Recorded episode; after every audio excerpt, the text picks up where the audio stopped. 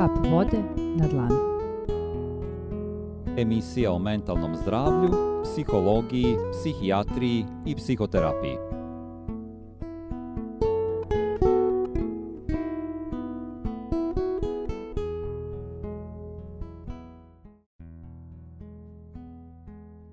Dobro večer. Vi slušate emisiju Kap vode na dlanu. Moje ime je Igor Pavluković, i pripremio sam vam temu o toksičnim odnosima. Kada govorimo o toksičnim odnosima, to možemo definisati e, na primer, kao jedan odnos e, koji vama pravi određenu vrstu problema. E, zapravo, kada se neko nalazi u određenom odnosu kojim nije zadovoljan i u kom ima probleme, a ne ume da izađe na neki način iz tog odnosa iz prostog razloga zato što naseda na trikove koja druga osoba čini i na taj način drži ovu prvu odnosu. Ukoliko vam se to dešava u svakodnevnom životu, prepoznaćete iz primjera koje ću navesti. Evo na primjer. Emotivni partner vam dolazi u život – i vi saznajte kako taj emotivni partner živi kod roditelja, nema posao, ne radi, nije se snašao u životu i predlaže da dođe kod vas. Kada krenete u odnos, započnete emotivnu vezu, u toj vezi taj partner se ponaša nezrelo, ali uspeva tako da vam se namete. Nametne vam se e, zato što vam deluje simpatično, šarmantno. Ima nešto u njemu što vama predstavlja neki kvalitet, znači nešto što vi možete da sagledate kao kvalitet, ali to je samo jedan segment. Mnogo drugih stvari u ličnosti te osobe, uopšte i u vašem odnosu, nije dobro postavljeno, nije na svom mestu. Ali samo zato što vam je ta osoba simpatična, što je šarmantna, što vam laska i tako dalje, što ćete iz eh, narednog izlaganja već saznati kako to funkcioniše, jednostavno vi ostajete u odnosu sa tom osobom. Prema tome, tako vam se ta osoba nametne, vi preuzimate odgovornosti koje bi trebale da budu odgovornosti druge osobe, u ovom slučaju emotivnog partnera, i kako bi to išlo. Na primjer, vi sve račune sami plaćate. Ispunjavate vašem partneru hirove. Mnogo toga tolerišajte. A on ili ona svejedno igra sve vrijeme na kartu bespomoćnosti. Dakle, vaš partner se predstavlja kao bespomoćan, ne može onda rešiti neke situacije iz raznih razloga.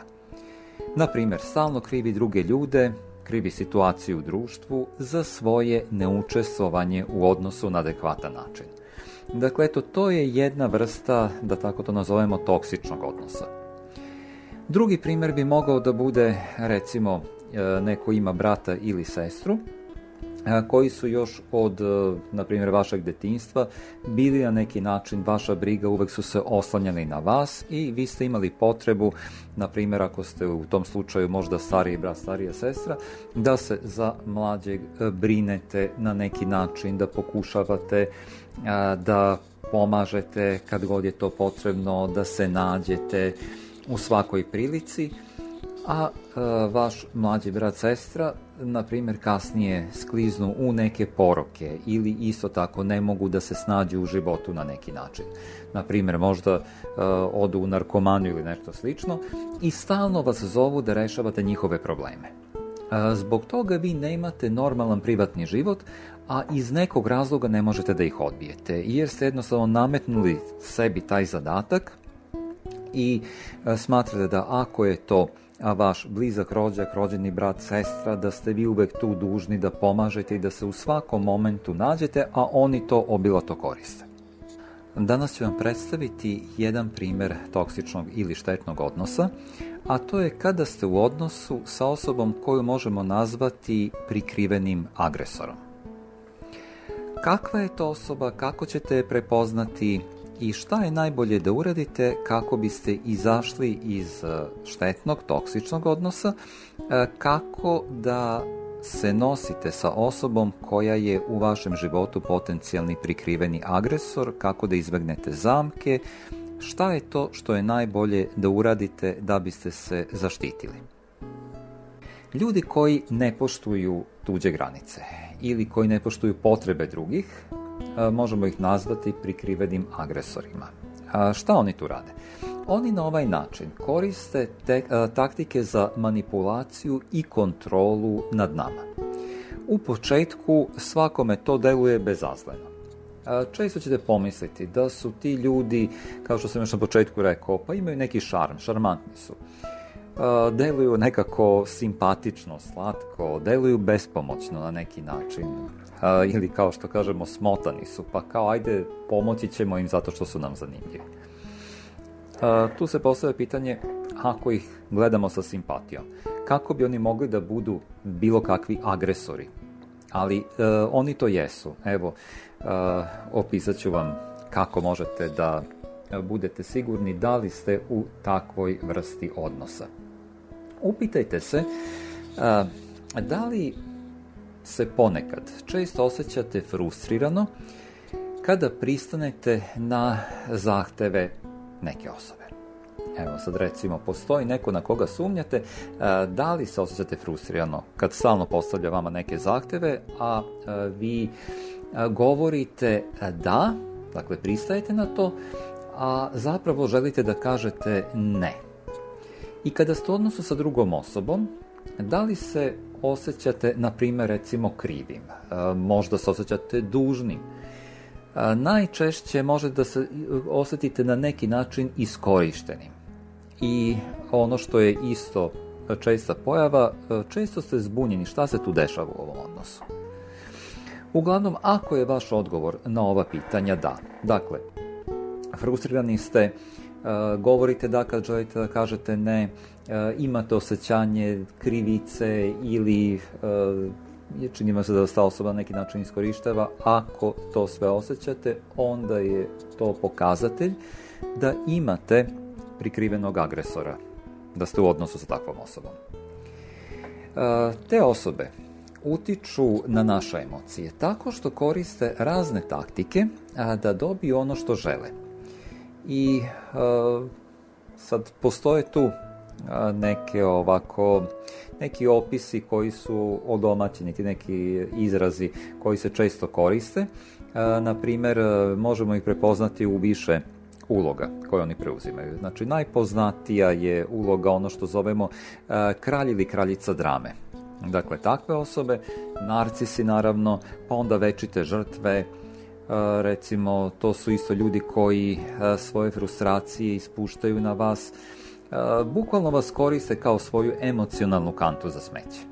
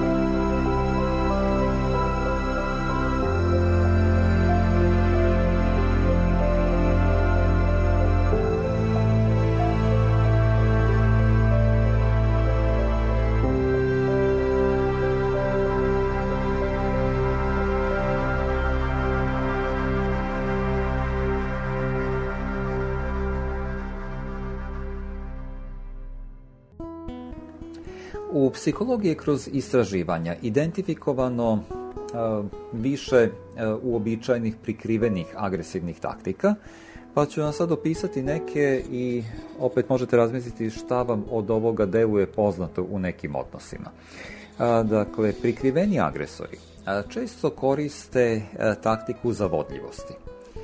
Šarmantni su, zavode vas tim vašim šarmom, deluju simpatično i e, to rade tako da vam na neki način laskaju, hvale vas, daju vam e, razne izraze, neke podrške, uzdižu vas e, ili ono što se kaže nekako vam se uvlače pod kožu. I na taj način oni umanjuju vašu odbranu, stiču vaše poverenje.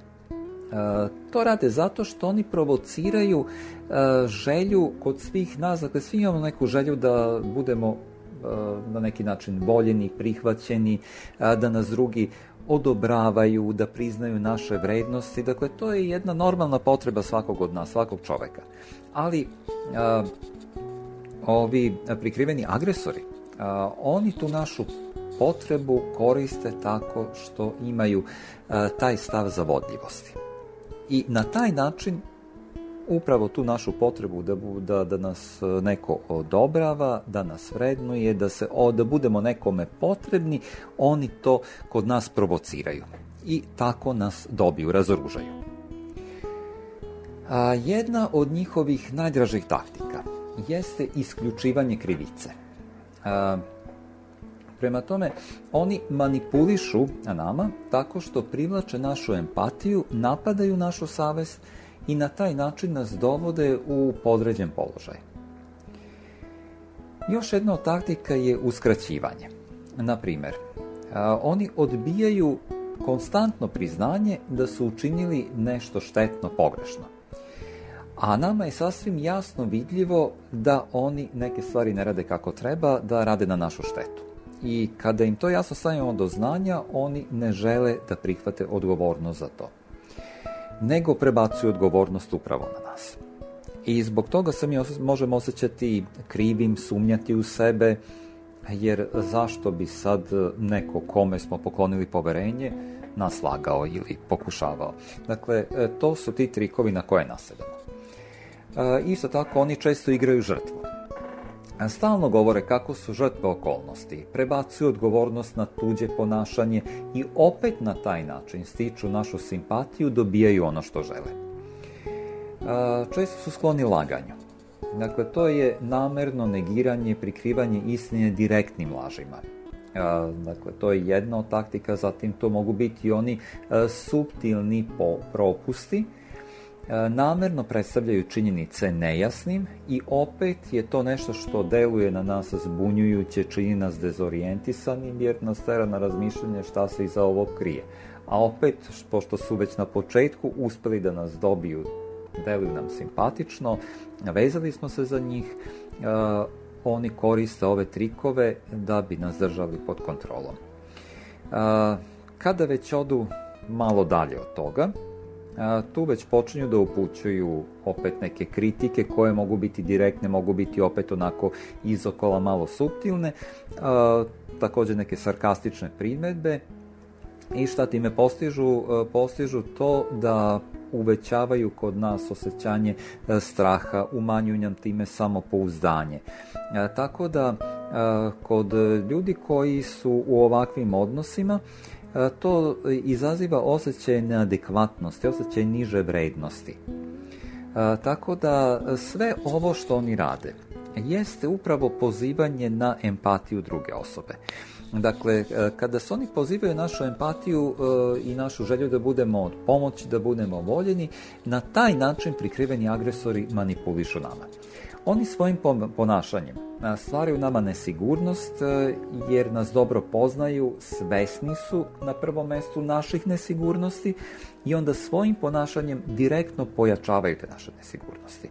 E, tako da nas čine emocionalno reaktivnim, zbunjenim, e, dovode nas u situaciju da stalno osjećamo potrebu da budemo u nekom odbranbenom stavu.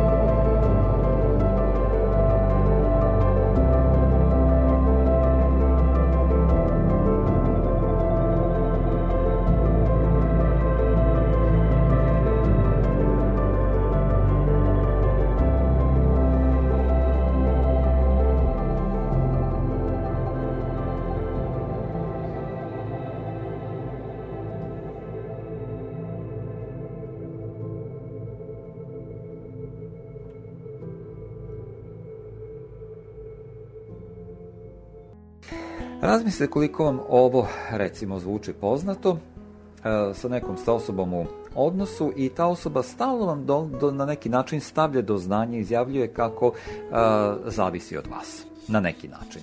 Da tebe ne ima, znaš, ne bi ja mogao sve ovo, e, potreban si mi ili potrebna si mi, ja ne mogu bez tebe, ne mogu da E, neke stvari postignem bez tebe, ne mogu da prebolim neke stvari bez tebe. Dakle, uvek je pažnja na vama kako ste vi nezamenljivi, kako ste potrebni, kako ste neophodni.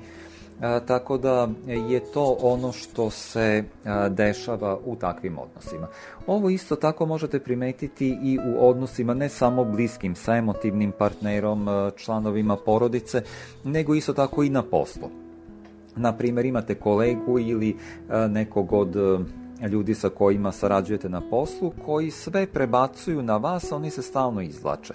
I onda koriste, na primjer, one fraze kažu ti si najbolji u tome, ti to najbolje znaš. Ili, ma računam ja na tebe, ti ćeš to najbolje uraditi. Ili ti si jedini koji to može da uradi pa onda na primjer dobijate pohvale da kao jao kako si to prošli put fantastično uradio, to je bilo nešto super, niko to ne može da uradi tako dobro kao ti, ovo je sve bukvalno kao stvoreno za tebe i tako dalje. Dakle, kao da ste vi nezamenljivi. E sad, kada sledeći put čujete ovakve izjave, uh, Naravno, vi se na to upecate i e, šta se dešava? E, stalno preuzimate na sebe više obaveza, više odgovornosti i tu potpuno dopuštate drugoj osobi da manipuliše vama. Dakle, sledeći put kad čujete ove izjave, onda je samo bitno da e, stanete, dakle, kažete sebi stop, malo prodišete, duboko udahnete i razmislite. Setite se da na planeti trenutno postoji preko 7 milijardi ljudi. Pa u poređenju sa toliko mnogo ljudi, da li ste vi jedini koji nešto može učiniti? Da li, ako se vi udaljite, ta osoba neće baš nikog moći da nađe ili možda nikako ne može sama? Da li je to stvarno nešto što vi verujete? Da li verujete da je tako? Ako ne verujete, onda recite drugoj osobi ne.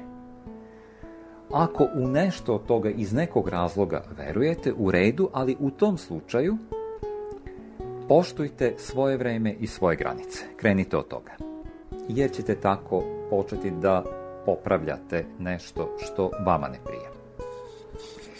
Uglavnom, da ne biste upadali u ovu zamku. A za početak je važno da proučite ovu temu, da postanete svesni uobičajenih prikrivenih agresivnih taktika. Evo, najčešće sam vam ovde naveo. E, preporučljivo je da razvijate bolje samopouzdanje, e, da imate malo više samosvesti jer će vas to ojačati, preusmerit će vas da promenite način na koji reagujete na ove ljude.